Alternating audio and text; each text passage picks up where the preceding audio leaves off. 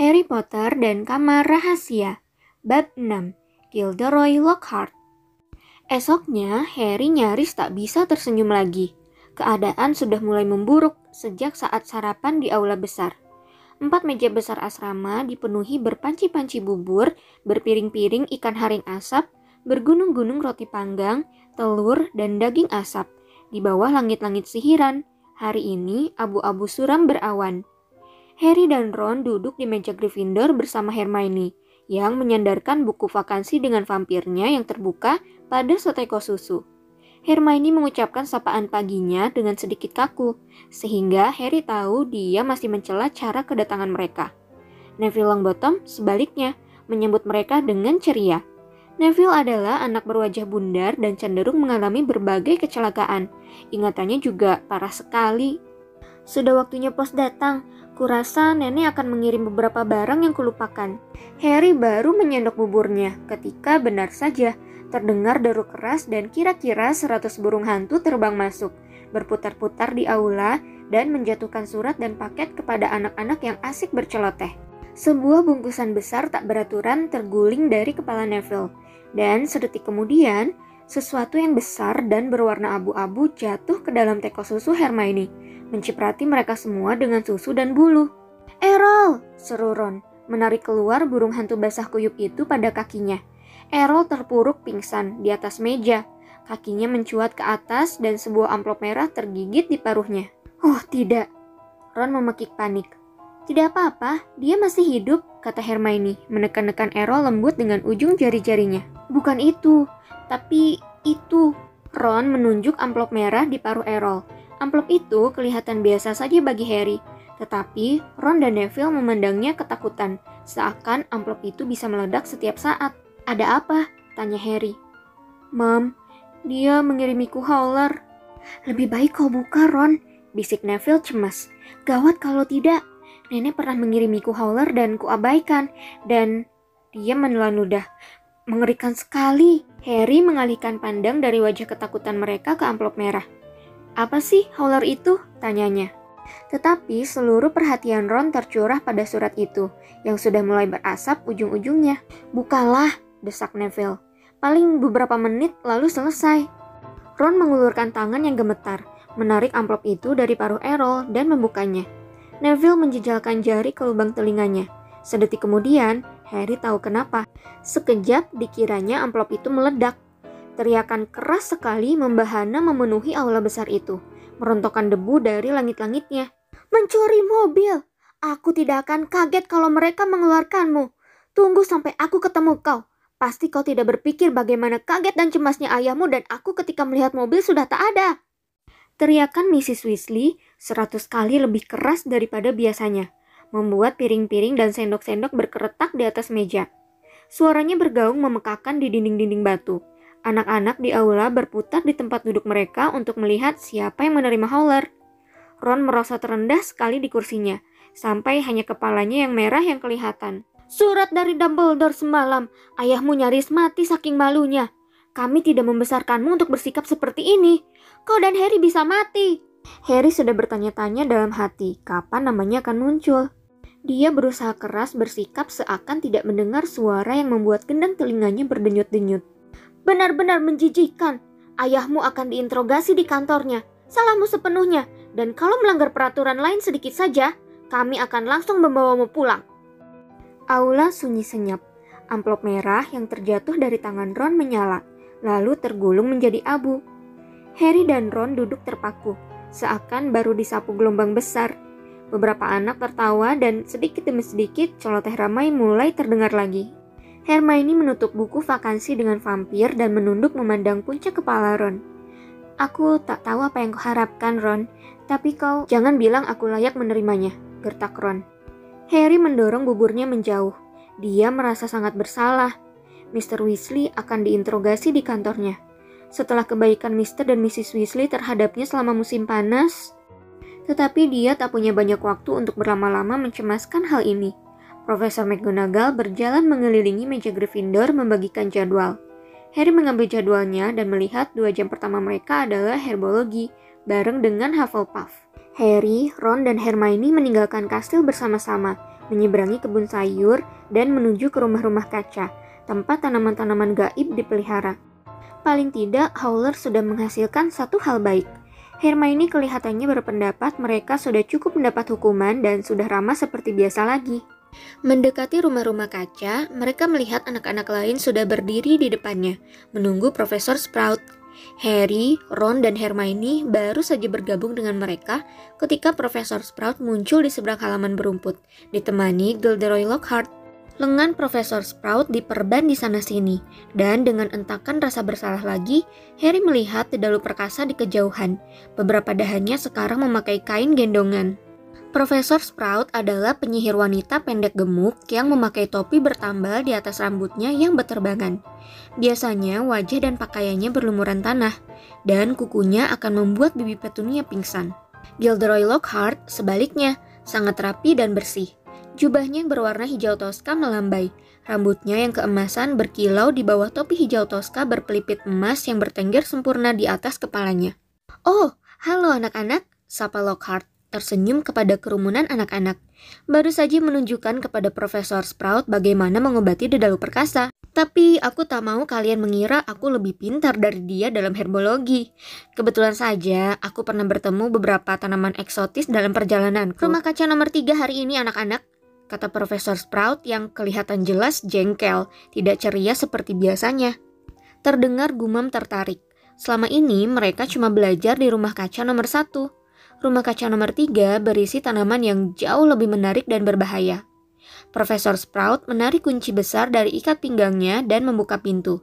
Terendus oleh Harry bau tanah lembab dan pupuk, bercampur dengan wangi tajam bunga-bunga sebesar payung yang bergantungan dari langit-langit. Harry baru mau mengikuti Ron dan Hermione masuk ketika tangan Lockhart terjulur. Harry, aku ingin bicara. Uh, kau tidak keberatan kalau dia terlambat beberapa menit kan, Profesor Sprout? Dinilai dari cibiran Profesor Sprout, dia sebetulnya keberatan. Tetapi Lockhart berkata terima kasih dan menutup pintu rumah kaca di depan wajah Profesor Sprout. Harry, kata Lockhart, giginya yang putih besar-besar berkilauan tertimpa cahaya matahari ketika dia menggelengkan kepala. Harry, Harry, Harry. Saking kagetnya, Harry tidak bicara apa-apa. Waktu aku dengar, iya, tentu saja, semua itu salahku. Rasanya ingin kutendang diriku sendiri. Harry sama sekali tak mengerti apa yang dibicarakannya. Dia baru akan berkata begitu ketika Lockhart meneruskan. Belum pernah aku seterkejut itu, menerbangkan mobil ke Hogwarts. Ya, tentu saja, aku langsung tahu kenapa kau lakukan itu. Jelas sekali. Harry, Harry, Harry.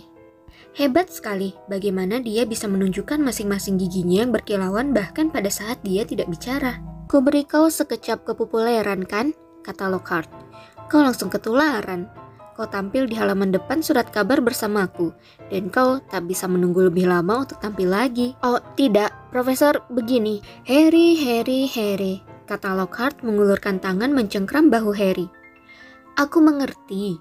Wajar menginginkan lebih kalau kau sudah pernah mencicipinya. Dan aku menyalahkan diriku sendiri karena memberimu itu. Karena pasti akan mempengaruhi pikiranmu. Tapi nak, kau tak bisa menerbangkan mobil untuk mencoba membuat dirimu diperhatikan. Jangan buru-buru, oke? Okay? Masih banyak waktu untuk semua itu kalau kau sudah lebih besar. Ya ya, aku tahu apa yang kau pikirkan.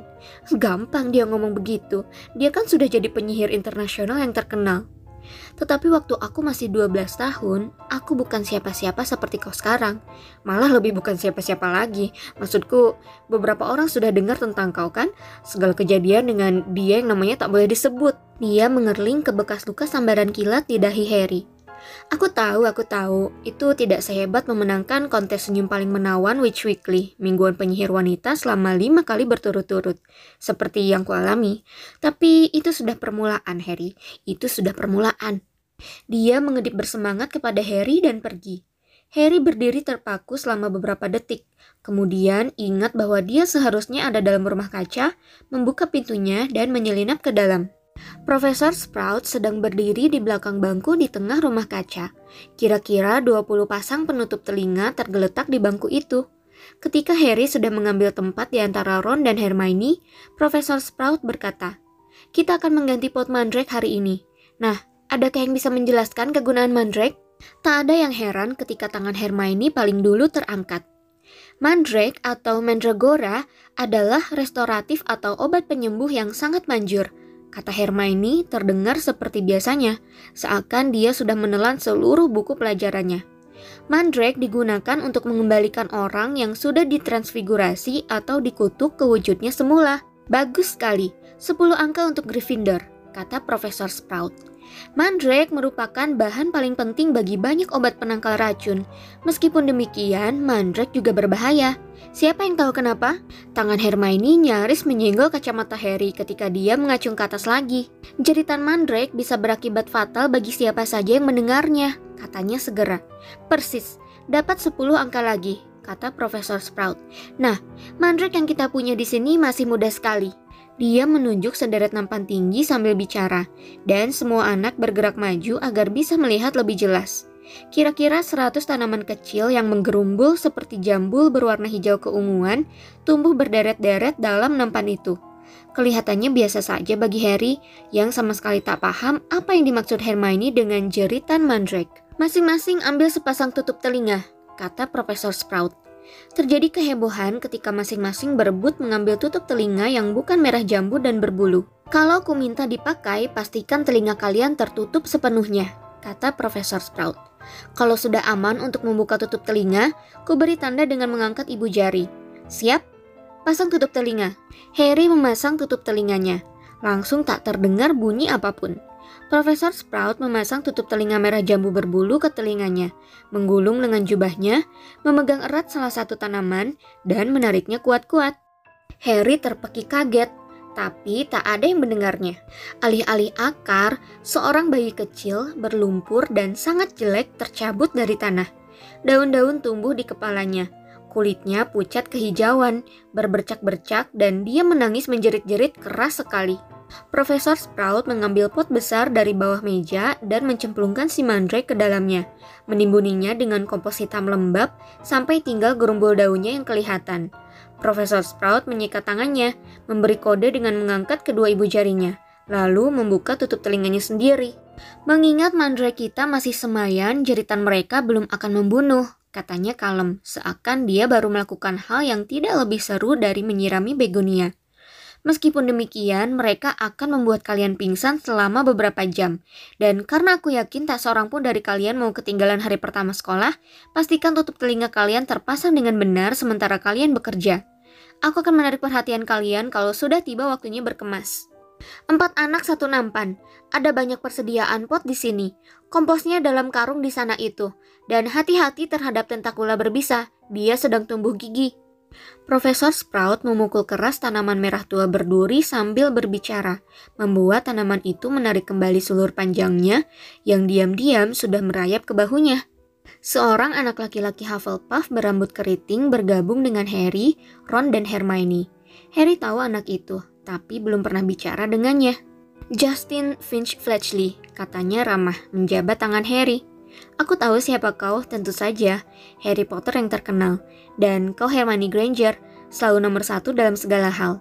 Hermione berseri-seri sementara tangannya juga dijabat. Dan Ron Weasley, bukankah mobil terbang itu milikmu? Ron tidak tersenyum, pikirannya masih dipenuhi Howler. Si Lockhart itu hebat ya, kata Justin riang saat mereka mulai mengisi pot mereka dengan kompos kotoran naga. Bukan main pemberaninya, kalian sudah baca buku-bukunya? Aku pasti mati ketakutan kalau disudutkan di box telepon oleh manusia serigala. Tapi dia tetap tenang dan zap. Sungguh luar biasa. Namaku sudah terdaftar di Eton sebetulnya. Tak bisa aku ceritakan betapa senangnya aku bisa masuk ke sini. Tentu saja ibuku agak kecewa, tetapi setelah aku menyuruhnya membaca buku-buku Lockhart, kurasa dia mulai bisa melihat betapa bergunanya punya penyihir terlatih dalam keluarga. Sesudah itu, mereka tak punya banyak kesempatan untuk bicara. Tutup telinga sudah dipakai lagi, dan mereka perlu berkonsentrasi pada Mandrake. Waktu Profesor Sprout yang melakukannya, kelihatannya gampang sekali, tetapi kenyataannya tidak. Mandrake-mandrake itu tidak suka dikeluarkan dari tanah, tetapi rupanya dikembalikan juga tidak suka. Mereka menggeliat, menendang, memukul-mukul dengan tinju mereka yang tajam dan menggertak-gertakkan gigi. Harry menghabiskan 10 menit sendiri untuk memasukkan kembali satu mandrake gemuk ke dalam pot. Pada akhir pelajaran, Harry seperti juga yang lain berkeringat, badannya sakit semua dan berlumur tanah. Mereka berjalan lesu kembali ke kastil untuk mandi. Setelah itu, anak-anak Gryffindor bergegas untuk pelajaran transfigurasi. Pelajaran Profesor McGonagall selalu susah, tetapi hari ini istimewa susahnya. Segala sesuatu yang telah dipelajari Harry selama satu tahun kelihatannya sudah merembes keluar dari kepalanya selama musim panas. Dia disuruh mengubah kumbang menjadi kancing, tapi yang berhasil dilakukannya hanyalah membuat si kumbang banyak berolahraga, karena si kumbang berlarian di atas meja menghindari tongkatnya. Ron menghadapi masalah yang lebih parah. Dia sudah menambal tongkatnya dengan tape, selotip sihir. Tapi rupanya tongkatnya sudah kelewat rusak dan tak bisa diperbaiki. Tongkat itu berkali-kali berderik dan mengeluarkan bunga api pada saat-saat yang tak terduga. Dan setiap kali Ron mencoba mentransfigurasi kumbangnya, tongkat itu menyelubunginya dengan asap tebal abu-abu yang baunya seperti telur busuk. Karena tak bisa melihat apa yang dilakukannya, tanpa sengaja kumbangnya terpencet sikunya sampai mati, dan dia terpaksa minta kumbang baru. Profesor McGonagall tidak senang melihatnya. Harry lega mendengar bunyi bel makan siang.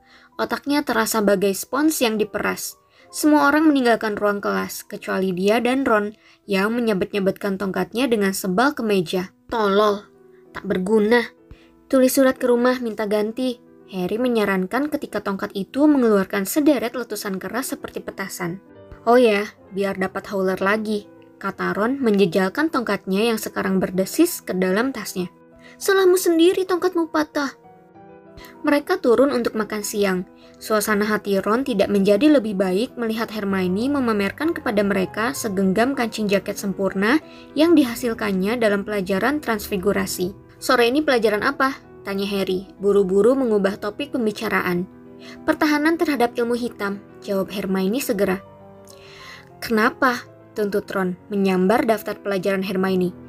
Kau menggarisbawahi semua pelajaran Lockhart dengan hati kecil-kecil. Dengan marah, Hermione merebut kembali daftar pelajarannya. Wajahnya merah. Mereka menyelesaikan makan siang lalu ke halaman. Udara mendung. Hermione duduk di undakan dan membenamkan hidungnya ke buku vakansi dengan vampir lagi.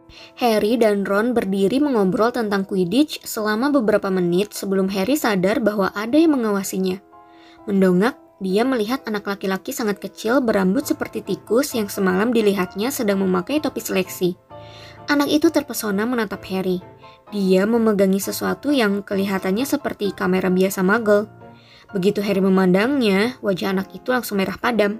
Baik-baik saja Harry, aku aku Colin Creevy, katanya terengah, ragu-ragu maju selangkah. Aku juga di Gryffindor. Apakah menurutmu tidak apa-apakah kalau e, bolehkah aku mengambil fotomu? Katanya, mengangkat kameranya penuh harap. Foto? Harry mengulang dengan pandangan kosong. Supaya aku bisa membuktikan aku sudah bertemu kau, kata Colin Creevy bersemangat. Maju lebih dekat lagi. Aku tahu segalanya tentang kau. Semua orang sudah cerita padaku tentang bagaimana kau selamat ketika kau tahu siapa mencoba membunuhmu dan bagaimana dia menghilang dan segalanya dan bahwa kau punya bekas luka sambaran kilat di dahimu. Matanya menyusuri batas rambut Harry. Dan anak laki-laki yang sekamar denganku bilang kalau aku mencetak filmnya dengan ramuan yang benar, gambarnya akan bergerak-gerak. Colin menghela napas panjang, bergairah sekali, dan berkata, Luar biasa sekali di sini ya. Aku tak pernah tahu segala hal aneh-aneh yang kulakukan itu sihir, sampai aku menerima surat dari Hogwarts. Ayahku pengantar susu, dia juga tidak percaya, jadi aku memotret banyak-banyak untuk dikirim kepada ayahku di rumah, dan akan bagus sekali kalau aku punya satu fotomu. Dia menatap Harry dengan pandangan memohon. Mungkin temanmu bisa memotretkannya dan aku boleh berdiri di sebelahmu, dan kemudian maukah kau menandatanganinya? Foto bertanda tangan? Kau membagikan foto bertanda tangan, Potter? Keras dan pedas, suara Draco Malfoy bergaung di seluruh halaman. Dia berhenti tepat di belakang Colin, diapit seperti biasanya di Hogwarts oleh dua kroninya yang besar dan kejam, Crabbe dan Goyle. Ayo, semua antri! Malfoy berteriak kepada kerumunan anak-anak. Harry Potter membagikan foto bertanda tangan. Tidak, bohong, kata Harry berang. Tinjunya terkepal. Tutup mulut, Malfoy. Kau iri, seru Colin yang keseluruhan tubuhnya hanya sebesar leher Crab. Iri? kata Malfoy, yang tak perlu lagi berteriak, karena separuh halaman sudah mendengarkan mereka. Kenapa aku mesti iri? Aku tak mau punya bekas luka konyol di keningku. Terima kasih deh. Menurutku, kepala yang terbelah tidak membuat kita istimewa. Crab dan Goyle terkiki-kiki konyol. Menyebalkan kau Malfoy, kata Ron jengkel. Crab berhenti tertawa dan mulai menggosok buku jarinya yang besar-besar dengan lagak mengancam. Hati-hati Weasley, ejek Malfoy. Jangan sampai bikin kesulitan lagi. Nanti terpaksa ibumu datang untuk menjemputmu dari sekolah. Dia mengubah suaranya menjadi tinggi melengking. Kalau sekali lagi kau melanggar... Segerombolan anak kelas 5 Slytherin tertawa terbahak. Weasley akan senang mendapat foto bertanda tangan, Potter. Malfoy menyeringai menjengkelkan. Nilainya lebih tinggi daripada seluruh rumahnya. Ron mencabut keluar tongkatnya yang sudah berspelotep. Tetapi Hermione menutup buku vakansi dengan vampirnya dengan keras dan berbisik, Awas! Ada apa ini? Ada apa ini? Gilderoy Lockhart berjalan mendekati mereka. Jubah hijau toskanya berkibar di belakangnya. Siapa yang membagikan foto bertanda tangan? Harry baru mau menjawab, tapi disela oleh Lockhart yang merangkul bahunya dan berkata menggelegar gembira. Mestinya tak perlu tanya. Kita bertemu lagi, Harry. Harry yang terpaksa menempel ke sisi tubuh Lockhart dengan wajah serasa terbakar saking malunya, melihat Malfoy menyeringai dan menyelinap ke dalam kerumunan. Ayo, Mr. Creevy, kata Lockhart tersenyum kepada Colin. Foto kami berdua, biar adil, dan kami berdua akan menandatanganinya untukmu. Colin geragapan mengangkat kameranya dan memotret mereka berdua tepat ketika bel berbunyi di belakang mereka, menandakan mulainya waktu belajar sore hari. Ayo, kalian berangkat, seru Lockhart kepada anak-anak yang berkerumun. Dia berjalan kembali ke kastil dengan Harry, yang ingin sekali menguasai mantra melenyapkan diri, masih menempel di sisinya. Dengar nasihatku, Harry, kata Lockhart kebapaan ketika mereka memasuki kastil lewat pintu samping. Aku baru saja melindungimu. Kalau Creevy memotret aku juga, teman-temanmu tidak akan berpikir kau terlalu menonjolkan dirimu. Tuli terhadap protes gagap Harry, Lockhart membawanya menyusuri koridor yang kanan kirinya dipenuhi deretan murid dan menaiki tangga. Kuberitahu kau, membagikan foto bertanda tangan pada tahap karirmu ini tidaklah bijaksana. Kelihatannya sok Harry terus terang saja. Akan tiba waktunya ketika, seperti aku, kau perlu membawa setumpuk foto ke mana pun kau pergi. Tetapi, dia terkekeh kecil. Kurasa kau belum sampai ke tahap itu.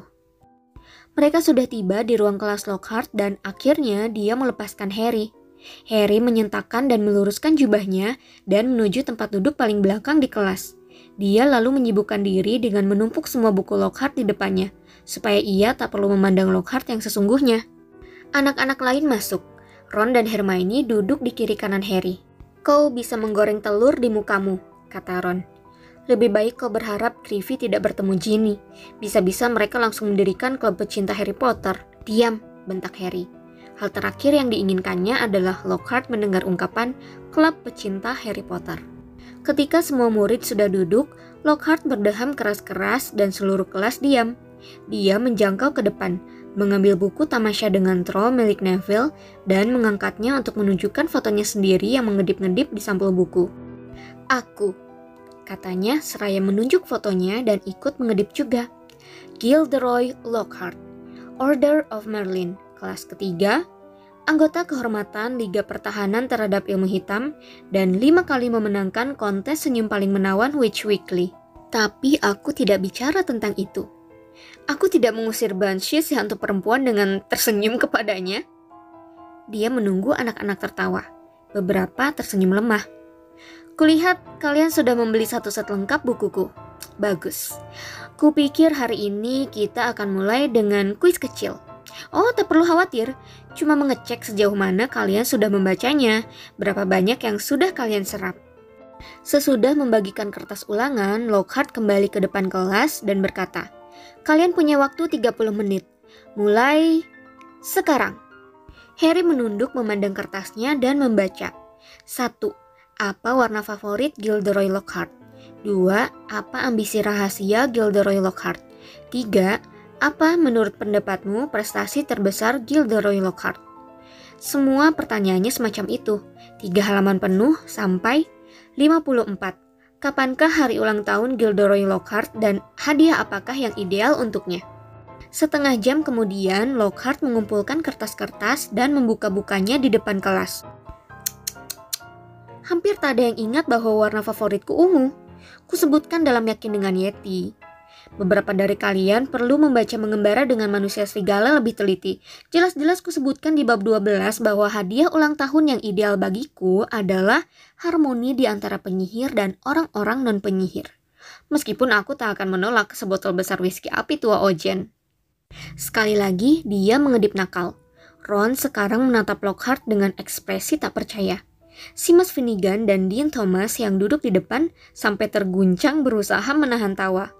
Hermione sebaliknya, mendengarkan Lockhart dengan penuh perhatian dan tersentak kaget ketika Lockhart menyebut namanya.